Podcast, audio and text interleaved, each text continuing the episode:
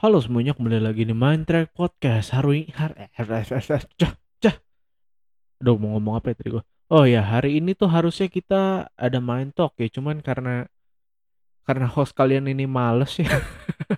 Iya, harusnya gue mempersiapkan season 2 tuh dari sebelum dari sebelum season 2 gitu. Gue malah gue baru baru nyari-nyari tamu pas sudah masuk season 2. Jadinya gue nggak punya tamu dah.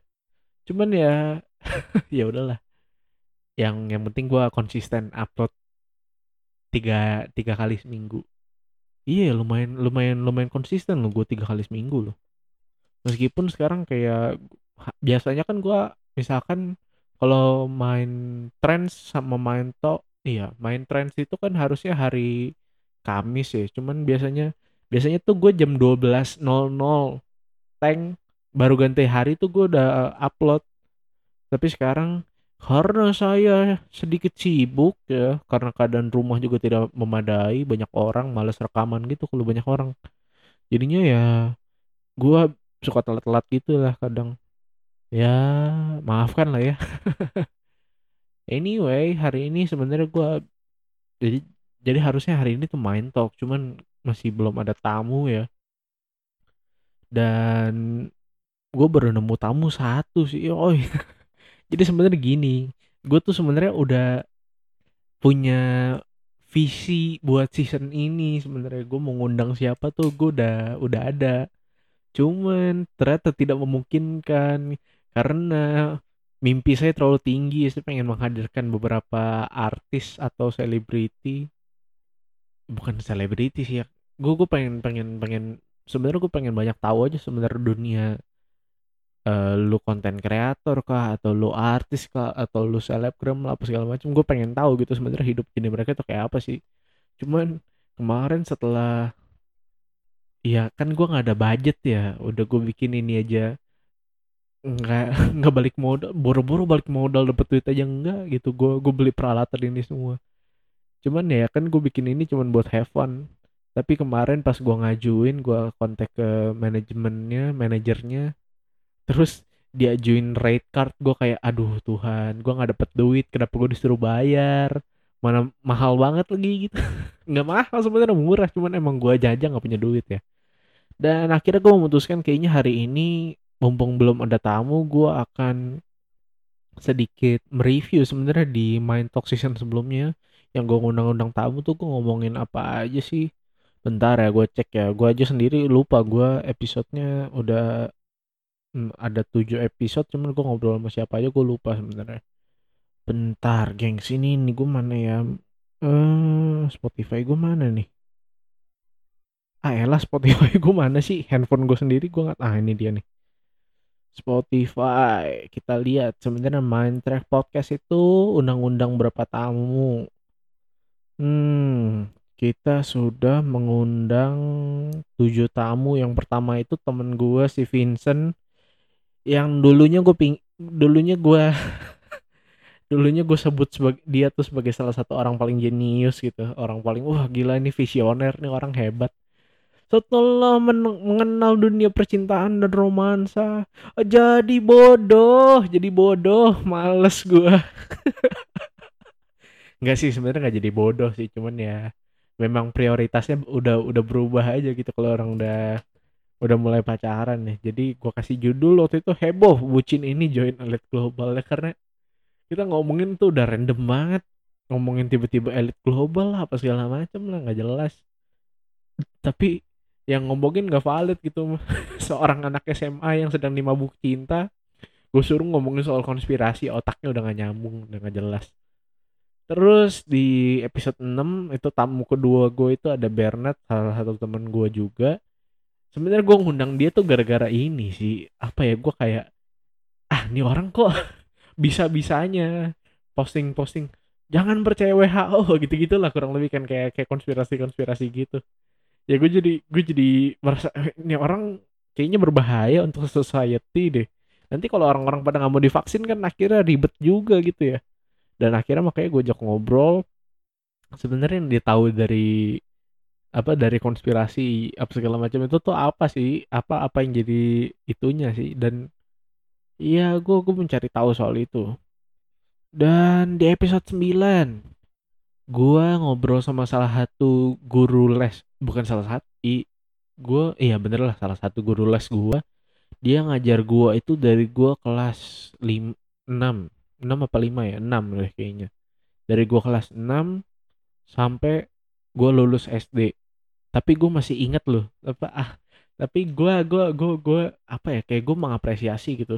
Di umur sekecil itu gua masih bisa bisa melihat gitu bahwa ada ada orang-orang hebat gitu gue bisa mengapresiasi itu gue gue seneng sih gue punya apa ya gue punya kesadaran itu gitu bahwa ah nih orang tuh ngajarnya hebat loh bahwa nih orang tuh visioner loh nih orang tuh uh, otaknya maju ke depan loh si uh, di di episode ke-9 itu ngomongin soal tujuan hidup dan tipe-tipe orang ya itu sama si Koriko. Dia menjelaskan di mana soal tipe-tipe kepribadian itu ada sanguinis ada aduh, aduh gue lupa sebenarnya dia disebut apa aja. Ya itulah lu bisa dengerin lagi. Dia ngomongin soal itu bahwa ya lu different different kind of people different kind of response you have to give them uh, apa ya different kind of uh, different kind way apa bahasa Inggris gue jelek banget Dif different way to treat them. Nah itu bener-bener ini bahasa Inggris gue jelek banget ya nggak tahu deh. Nggak tahu bahasa Inggris gue kenapa jadi jelek banget. Gue gue tuh masih bisa gue tuh masih bisa mendengar atau menonton video atau atau podcast yang dalam bahasa Inggris cuman kalau udah podcast kayaknya nggak bisa deh gue perlu gue perlu visual. Masih bisa sih cuman ya masih terbatas gitu. Gue perlu visual buat nonton bahasa Inggris itu. Aneh banget. Listening gue sebenarnya nggak buruk-buruk banget cuman nggak tau loh bahasa Inggris gue jadi jelek banget. Udah lama nggak gue pakai ya kayaknya ya. Gue gue pakai cuman buat terima informasi gue nggak bagi-bagi informasi uh, in English gila. Ya yeah, gue gue mau nyoba uh, beberapa menit ke depan gue akan ngomong dalam bahasa Inggris. Kira-kira gue bisa ngomong kayak apa ya? And in the 12th episode I talk about music with my one of my friend Kitra and we talk about how music inspires him to do a lot. Uh, how music uh, gave him some some level of fame some level of you know pe- people know him because uh, because because he he do mu- music. He makes music. Aduh gila Inggris gue terbata-bata banget. Ya nggak buruk sih cuman ya masih masih terbata-bata ya. Gue kurang pakai ya. Ah gue ya kita lanjutkan bahasa Inggrisnya. And and kita uh, kita teach us eh teach us. He he said that um we should uh, we should start do something anything uh, and mm, and it starts with you know doing research of what kind of things you like and you don't like. You do research on on something you learn some uh, you learn to do something you practice and mm, and the final step is you start to make something uh, uh some kind of mm, art or music or content or anything that can make you uh, apa ya? Bisa make you apa ya? Ah bahasa Inggris gue rusak banget. Maaf ya teman-teman mengganggu kuping kalian dengan bahasa Inggris gue yang rusak.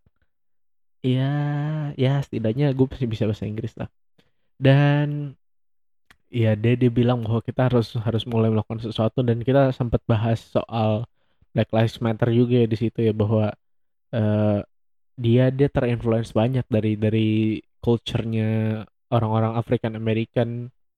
Uh, dia dia suka musik hip hop yang yang memang budayanya African American banget dan dan ya gitu. Dan dia ngomongin soal uh, betapa dia pengen tuh punya meng menggapai mimpinya dengan dengan tangannya sendiri. Dan gue baru ini referensi gue aneh banget. Cuman gue baru nonton anime dan salah satu kata-kata yang dikatakan di anime itu adalah dibilang uh, percuma lo lo menggapai mimpi tapi nggak nggak pakai tangan lo sendiri buat apa? Kurang lebih kayak gitulah. Dan gue gue gue gue bisa relate lah gue bisa setuju sama sama kata-kata itu. Dan episode 15 adalah episode kebanggaan gue di mana gue uh, apa ya gue sampai deg-degan gitu pas mau kontak orangnya aja gue gue deg-degan banget. Karena gue udah lama ngobrol sama dia gue udah lama nggak ketemu sama dia dan tiba-tiba gue ngajakin dia untuk bikin podcast. Dan jadilah gue ngobrol sama seorang CEO gila bahagia banget gue bisa bisa punya kenalan seorang CEO ya seorang yang sukses yang uh, yang apa ya yang mengerjakan sesuatu yang dia sukai di uh, di bidang yang disukai gitu. Dan dan kan si itu namanya kok Albert ya si CEO of Live Talk Asia. And gue gue sangat seneng sih gue gue sangat apa ya kayak ya dulu gue dulu gue pernah dididik sama dia untuk gue gue nggak secara langsung dididik sama dia sih karena di zaman itu uh, kayak dia lagi sibuk apa lah gitu jadi gue nggak secara langsung dididik sama dia tapi gue sempet dididik sama dia bahwa lu lu jangan banyak excuse deh. Udah lu kerjain aja. Lu tuh nggak lu tuh sebagai pelajar tuh tanggung jawab lu tuh nggak banyak. Lu kerjain aja apa yang gue suruh. Udah pasti bener. Kurang lebih gitu lah. Uh, lu lu tuh harus apa ya gue diajarin juga lu harus taat sama uh, otoritas harus taat sama pemimpin. Uh, dia ajarin bahwa dia pernah tulis buat gua di di ada semacam notes ya notes gitulah buat gua. Dia tulis bahwa Nathan kamu harus belajar jadi pemimpin. Gua gue shock di situ. Gua kayak ini orang maksudnya ngomong apa sih sebenarnya? Tapi belakangan gua gua menyadari gitu bahwa ya dia dia melihat kapasitas gua sebagai sebagai seorang manusia gitu. Gue bukan bukan orang-orang orang bukan orang ya, ya mungkin ini sombongnya ya nggak tahu lah. Gue nggak mau bilang ini sombong sih cuman gue mau cerita aja bahwa eh, ya he see something in me gitu. Dia melihat bahwa gue punya kapasitas lebih untuk untuk menjadi seorang pemimpin. Meskipun sampai sekarang saya cuma tidur tiduran dan gabut di rumah. Ya apa-apa at least gue punya podcast sekarang. Iya ya gitu sih gue gue seneng banget gue bisa ngobrol sama seorang CEO gitu. CEO loh ini CEO gitu. Dan itu menurut gue hebat banget gitu gue bisa ngobrol sama CEO di konten gue yang yang di saat itu di saat itu dan saat ini pendengarnya nggak sebanyak itu gitu. Dia dia bisa humble enough untuk uh, apa dia dia dia sangat humble untuk untuk mau datang ke podcast gua untuk ngobrol sama gua dan mengajarkan banyak hal buat gua. Padahal dia itu uh, memang perusahaan yang bergerak di bidang coaching gitu. Harusnya kalau dia mau charge gua ya bisa aja. Karena kan Iya memang perusahaannya dia di di bidang itu sudah selayaknya untuk gue bayar untuk jasanya itu untuk dia ngajarin gue dan dia membagikan ilmu buat gue buat kita semua yang yang dengerin juga tentang gimana sih sebenarnya jadi pemimpin bahwa pemimpin itu nggak nggak harus selalu jadi idealis kok. Pemimpin itu nggak harus selalu jadi pokoknya yang gue mau tuh yang terbaik yang enggak. Lu bisa tetap harus berkompromi sama kemauan pasarnya apa pasar maunya apa? Lu harus bisa ngikutin kemauan pasar. Pasar butuhnya apa? Biar lu juga nggak ya apa ya barang yang lu mau jual atau pesan yang lu sampaikan itu bisa ditangkap sama masyarakat bisa ditangkap sama uh, marketplace atau atau di mana pun lu bergerak lah. Jadi ya jangan jangan sampai idealisme itu justru mem, apa ya membatasi lu untuk lebih berkembang lagi. Kurang lebih gitu sih yang gue tangkep dan dia juga bahas betapa pentingnya soal pendidikan betapa pentingnya uh, peran seorang orang tua dalam dalam dalam kehidupan seorang anak dan dalam membentuk nih anak bakal ke depannya kayak gimana. Dia juga ngomongin soal itu. Dan ya I learn a lot lah. Uh, dan di episode ke 18 gue ngomongin banyak hal ya ini. Hmm gimana ya? Ini salah satu guru yang paling gue look up tuh gitu. Uh, meskipun meskipun cerita hidupnya tuh nggak nggak bagus-bagus banget aneh aja gitu. Tapi ya kadang kita ini kesannya gue menjelekkan dia ya enggak ya. Uh, dia dia punya banyak uh, a broad spectrum of experience lah gitu. Dia punya pengalaman yang banyak banget gitu. Dan makanya gue uh, pas gue dengerin cerita dia tuh gue gue senang banget. Dan ya dari dulu gue pengen gitu kayak dan dari dulu tuh gue selalu bawa bawa nama dia ke mana-mana. Bahwa eh guru guru gue pernah ngomong gini sama gue guru gue tuh pernah ngajarin gini sama gue dia tuh jadi salah satu guru yang gue inget lah gitu. Uh, Pak Ari ya. Dan kita ngomongin banyak hal dari mulai pandemi kita ngomongin soal pendidikan.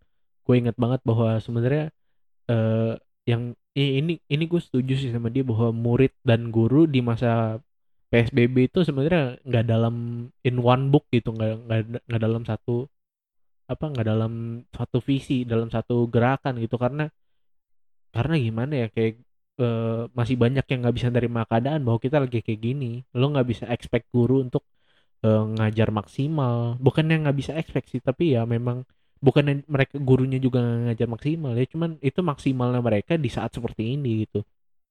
Jadi it's the best they can do gitu. Dan murid-muridnya juga eh, gini ya gue gue dengar temen-temen gue tuh selalu ngomong kayak ah guru ngajarnya nggak benar bisanya ngasih tugas doang. Tapi kalau nggak di kalau nggak dikasih tugas di dijelasin doang ah guru nih ngajarnya juga nggak bener lagi. Masa nggak dikasih tugas? Gue jadi nggak ngerti apa-apa. Masa gue nggak bisa latihan atau segala macam? Jadinya ya ya nggak bisa. Lu e, menurut gue itu ada perspektif yang salah sih soal apa pelajaran pembelajaran jarak jauh. Jadi ya dan minggu depan tem dan tadi tadi pagi di DM di ada yang DM gue gitu eh gue gue kesel nih sama sama guru-guru bisanya ngasih tugas doang apa segala macam dan gue sebagai otak cu bukan otak cuan sih ya gue sebagai otak konten kreator mungkin ya gue punya jadi gue ya eh kalau lu marah-marah mendingan datang ke podcast gue aja jadi minggu depan kita akan ngobrol sama dia dan dia akan menyampaikan keluh kesahnya supaya ya ya at least jadi sesuatu lah daripada marah-marah doang kan cuman jadi beban dan jadi dosa gitu lu marah-marah mengguru buat apa gitu kan. Jadi mendingan kita kita coba ngobrolin sebenarnya dia perspektifnya gimana sih. Emang emang guru-guru di masa-masa seperti ini tuh semalas itu gitu. Apakah mereka nggak mau ngajar apa segala macam. Kalau ini ini mungkin buat gue ya buat gue sih guru udah melakukan yang terbaik sih. Makin gue dewasa tuh gue makin ma iya yang gue nggak dewasa sih sekarang. Ya bisa dibilang lah gue dewasa karena gue gue sudah punya KTP jadi saya sudah uh, sudah bertindak sebagai warga negara Indonesia. Nih aneh banget gue nih. Cuman ya gue gue lebih tua gue jadi lebih sadar gitu bahwa dulu tuh gue marah-marah mulu sama guru. Ah guru nggak bener ah guru nggak jelas ah guru nggak beres. Padahal yang jelas nggak beres dan nggak nggak bener tuh gue gitu. Guanya yang malas kerjain tugas guanya yang malas belajar guanya yang segala macem dan ya gitu dan makin ke sini gue juga makin nggak mau menyalah-nyalahkan sistem pendidikan karena menurut gue masih banyak yang harus diperbaiki. Yang yang sekarang tuh sebenarnya udah cukup baik cuman kita nggak memanfaatkannya dengan maksimal. Menurutku sih gitu aja. Jadi ya ini klise sih cuman daripada lu nyalahin sistem daripada lu nyalahin orang lu mendingan memperbaiki apa yang lu bisa perbaiki dulu gitu daripada lu harus repot-repot. Karena ya kan gue udah bilang manusia itu nggak spesial itu. Lu sebagai orang itu nggak spesial itu. Masih banyak orang sepiter lu masih banyak orang sekaya lu masih banyak orang seganteng lu masih banyak orang sehebat lu. Dan lu tuh nggak spesial spesial banget. Jadi jangan berharap lu bisa mengubah keadaan. Kalau lu nggak bisa mengubah keadaan apa nggak bisa mengubah diri lu sendiri jangan berharap lu bisa mengubah sistem pendidikan. Kalau lu nggak bisa mengubah cara lu belajar dulu gitu kan nggak mungkin gitu. Eh, nggak nggak logik nggak nggak logika gitu. Gimana gimana caranya? Nggak masuk akal. Jadi menurut gue ya start with start with yourself sih ya gitu ya. Karena gue gue gue cukup uh, apa ya gue, gue gue lebih percaya gitu gitu. Ya memang kalau kalau sistemnya berubah memang akan membantu lebih banyak orang. Cuman ya iya emang lu siapa gitu kan? Lu belum jadi menteri gitu jadi bu bukannya gue meremehkan lu mungkin aja lu nanti di masa depan akan jadi menteri atau justru mungkin menteri sudah mendengarkan uh, podcast gue ini. Tapi ya yang gue bilang ya start with yourself lah ngapain ngapain gitu uh, uh, apa ya ngubah sesuatu yang sebesar itu. Terlalu berat terlalu susah gitu kalau menurut gue ya. Gue gue pesimis gue dulu tuh gue pikir gue adalah orang yang paling optimis loh tapi ternyata makin makin gue melihat kenyataan hidup makin gue berprogres dalam hidup makin gue bertumbuh kayaknya enggak deh. Gue jadi orang pesimis tuh jadi orang yang paling bener gitu. Buat apa lah lu punya idealisme idealisme ah gue nggak pengen kerja sama orang gue pengennya bisnis men. Lu nggak hidup men nggak punya duit men. Iya yeah, it's the it's the fact gitu lo bahwa kita tuh nggak nggak sehebat itu. Kita bukan orang-orang jenius ya at least sebagian besar dari kita tuh bukan bukan orang-orang jenius yang asal ngelihat aja tiba-tiba udah tahu jawabannya gitu. Atau asal ngelihat peluang bisnis bisa langsung kita kerjain terus tiba-tiba kita jadi milioner gitu. Ya sebagian besar dari kita tuh ya orang-orang biasa gitu. Jadi ya don't expect something like that lah. Itu uh, apa ya itu itu boleh dimimpikan tapi jangan jangan dibawa ke realita gitu. Sadar diri lah kurang lebih gitu. Gue gue mau bilang gitu sih ya mungkin ini harsh ya gue ngomongnya cuman ya ini cuman mungkin gue lebih ngomong ini buat diri gue sendiri sih bukan buat orang lain ya. Karena gue merasa buat diri gue sendiri begitu gitu bahwa gue nggak sehebat itu gue nggak sehebat orang-orang. Bahkan di antara teman-teman gue aja gue merasa gue merasa orang yang paling kayaknya gue paling cemen deh gue temen gue paling sedikit terus uh, koneksi gue paling sedikit uh, terus teman-teman gue udah pada punya bisnis punya start bisnis apa segala macam punya clothingan lah atau segala macam. Dan gue cuma punya podcast gitu kan. Ya gue nggak nggak sehebat itu. Teman-teman gue bahkan lebih hebat. Jadi ya kalau kalian dengerin ini jangan tersinggung. Cuman sadar diri lah. Ini iya tapi tapi ini uh, most mostly gue ngomong ini buat diri gue sendiri sih. Karena ya ini ini ini catatan pikiran gue gitu dan di episode terakhir di season 1 gue ngobrol sama salah satu temen gue dia adalah orang yang influence banyak di hidup gue orang yang sangat apa ya orang yang sangat ya gue nggak tahu iya tadi kan gue udah bilang ya bahwa teman-teman gue tuh udah pada hebat-hebat gitu. Udah pada punya bisnis apa segala macam dan si temen gue si Sasa itu di episode terakhir di season 1 ya dia adalah salah satu orang hebat itu di mana dia udah punya karya di mana-mana. Dia udah dibayar secara profesional untuk desain buku untuk jadi admin uh, sosmed satu brand dua brand bahkan bukan satu brand doang. Untuk jadi admin sosmed dua brand terus dia jadi ya banyak lah dia dia melakukan banyak hal gitu. Dan dan dia menghasilkan menurut gue itu sih yang penting. Percuma lu hebat hebat tapi lu nggak menghasilkan apa apa ya juga buat apa gitu. Menghasilkan bukan bu, bukan bukan cuma dalam arti material sebenarnya cuman ya standar paling paling apa ya standar yang paling jelas yang bisa dilihat mata kan sebenarnya ya menghasilkan secara material dulu.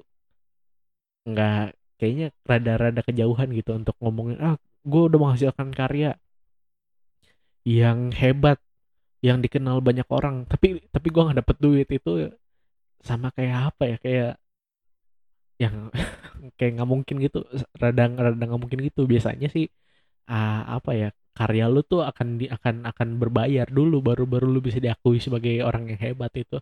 Nggak tahu ya ini benchmark gua aja sih. Jangan jangan di generalisir cuman ya kalau kalian punya ide lain kalau kalian punya masukan lain ya ya boleh sampein ke gue karena gue gue nyatanya tidak sepintar itu. Justru gue orang bodoh sih kalau menurut gue iya orang orang macam apa yang oh iya orang orang macam apa yang yang berani ngomong uh, padahal dia nggak tahu apa-apa gitu kecuali gue kan itu menandakan betapa bodohnya gue kan. Kan katanya tong kosong nyaring bunyinya ya ya gue inilah kurang lebih. Tapi at least gue tong kosong yang berani berbunyi karena banyak tong berisi yang akhirnya nggak berani berbunyi dan uh, kezaliman di mana-mana. Gila keren banget ya gue ya. Ya enggak sih ini gue nggak jelas banget. Tapi gue belajar banyak sih dari dari bikin podcast ini. Gue jadi bisa ini ini gue gue ngomong selama 20 menit 23 menit uh, berturut-turut gitu tanpa tanpa berhenti berhenti tarik napas doang gitu. Biasanya mana mungkin gue melakukan hal ini apalagi untuk untuk ngomong di depan publik gitu ya mana mungkin gue melakukan hal ini. Jadi ya mungkin karena gue nggak nggak nggak nggak pede juga ya dibilang nggak pede juga gue banci tampil sih demen demen tampil lepas segala macam tapi ya ya memang gue kualitasnya terbatas aja. Ya ini ini melatih gue untuk berbicara sih. Gue jadi bisa menyampaikan apa yang pengen gue pikirin aja apa yang pengen gue katakan itu bisa bisa lebih lebih lancar gitu. Biasanya gue biasanya sih awal-awal tuh gue nulis dulu dan dan gue mencoba menghafalkan mencoba membaca apa segala macam cuman makin makin ke sini gue makin bisa kayak dengan fluent aja gue mau ngomong apa tuh gue bisa menyampaikan. Dan gue rasa lu pada juga perlu melakukan hal-hal seperti ini gitu. Lu pengen apa? Lu lu perlu melatih uh, melatih cara lu berbicara melatih cara lu uh, apa aja lah apa apa apa pun yang mau lu kerjakan lah. Lu lu coba kerjain gitu kayak kata Kitra tadi. Uh, start something lah lu start doing something gitu. Daripada lu buang-buang buang waktu lu buang-buang hidup lu tanpa menghasilkan apa-apa. Meskipun lu sekalipun lu nggak dibayar pun kan tapi lu udah udah menghasilkan sesuatu gitu. Jadi hidup lu nggak sia-sia banget gitu. Hmm, apalagi aku mau ngomong apa lagi ya? mungkin itu recap dari Main Talk season 1 sih kurang lebih kayak gitu. Dan kalian kalau mau request kalau mau ngomong atau kalau mau tanya atau kalian mau bahas sesuatu atau justru kalian pengen diundang ya bisa langsung kontak aja ke Main Track underscore podcast di situ gua uh, masih gua sendiri adminnya karena ya skalanya masih kecil gitu ya tapi ya ya kalau kalian mau nanya apa-apa kalau kalian mau Iya, kalau mau curhat boleh nggak ya? Boleh lah. Cuman paling gua kata-katain. ya, ya gitu sih. Hmm, gue mau ngomong apa lagi ya? Ya, ya sorry ya karena uh, hari ini harusnya gua ngundang tamu, tapi justru gua malah nggak ngundang tamu. But ya, gue gue gue seneng sih. Akhir hmm, cukup nggak nyangka gitu gue bisa menyelesaikan satu season dengan baik dan gue memulai season 2 gue dengan cukup terseok-seok ya karena kayak gue udah ya rada nggak bener lah gitu jadwal gue udah nggak jelas apa segala macem lah dan mungkin kualitas konten gue menurun cuman cuman gue nggak tahu lah. Yang bisa kasih gue makanya kalian kasih gue feedback. Kalau kalian mau kasih gue feedback bisa langsung ke uh, Instagram mindtrack underscore podcast biar gue tahu gue harus gimana. Karena ya gitulah. Dan support terus podcast ini biar bisa terus berjalan biar bisa terus uh, lancar gitu ya. Biar bisa gue terus bersemangat dan di sub apa biar kayak YouTube. Ah nggak tau lah nggak jelas. Nggak usah kayak youtuber kayak youtuber. Capek gue juga. Youtuber aja pada mau keluar. Ngapain gue kayak niru-niru kayak mau youtuber? Iya ya gue iya ke depan gue mau ngapain ya? Nggak tau lah gue selesaiin dulu podcast gue kali ini. Uh, thank you for listening. Jangan lupa di share ke teman-teman kalian ke tongkrongan kalian atau ke ke keluarga kalian sih. Jangan deh kayaknya ya. Gue kemarin ngomongin soal prostitusi pas gue minta eh tem minta temen gue gitu eh tolong dong sharein biar biar biar banyak yang denger. Temen gue cuman bilang Nat kayaknya gue nggak berani deh nge-share nge-share soal prostitusi. Ya kayaknya gue bodoh gitu untuk untuk ngasih judul prostitusi di depan gitu gue pampang ya cuman ya. Ya. Hmm, fair enough lah. Jadi kalau kalian berani untuk share ya tolong di share kalau kalian nggak mau di share juga ya nggak apa-apa dan dengerin aja yang rutin. Karena gue upload tiga kali seminggu meskipun telat tapi pasti tiga kali seminggu. Uh, oke okay. gue closing aja ya. Thank you for listening and see you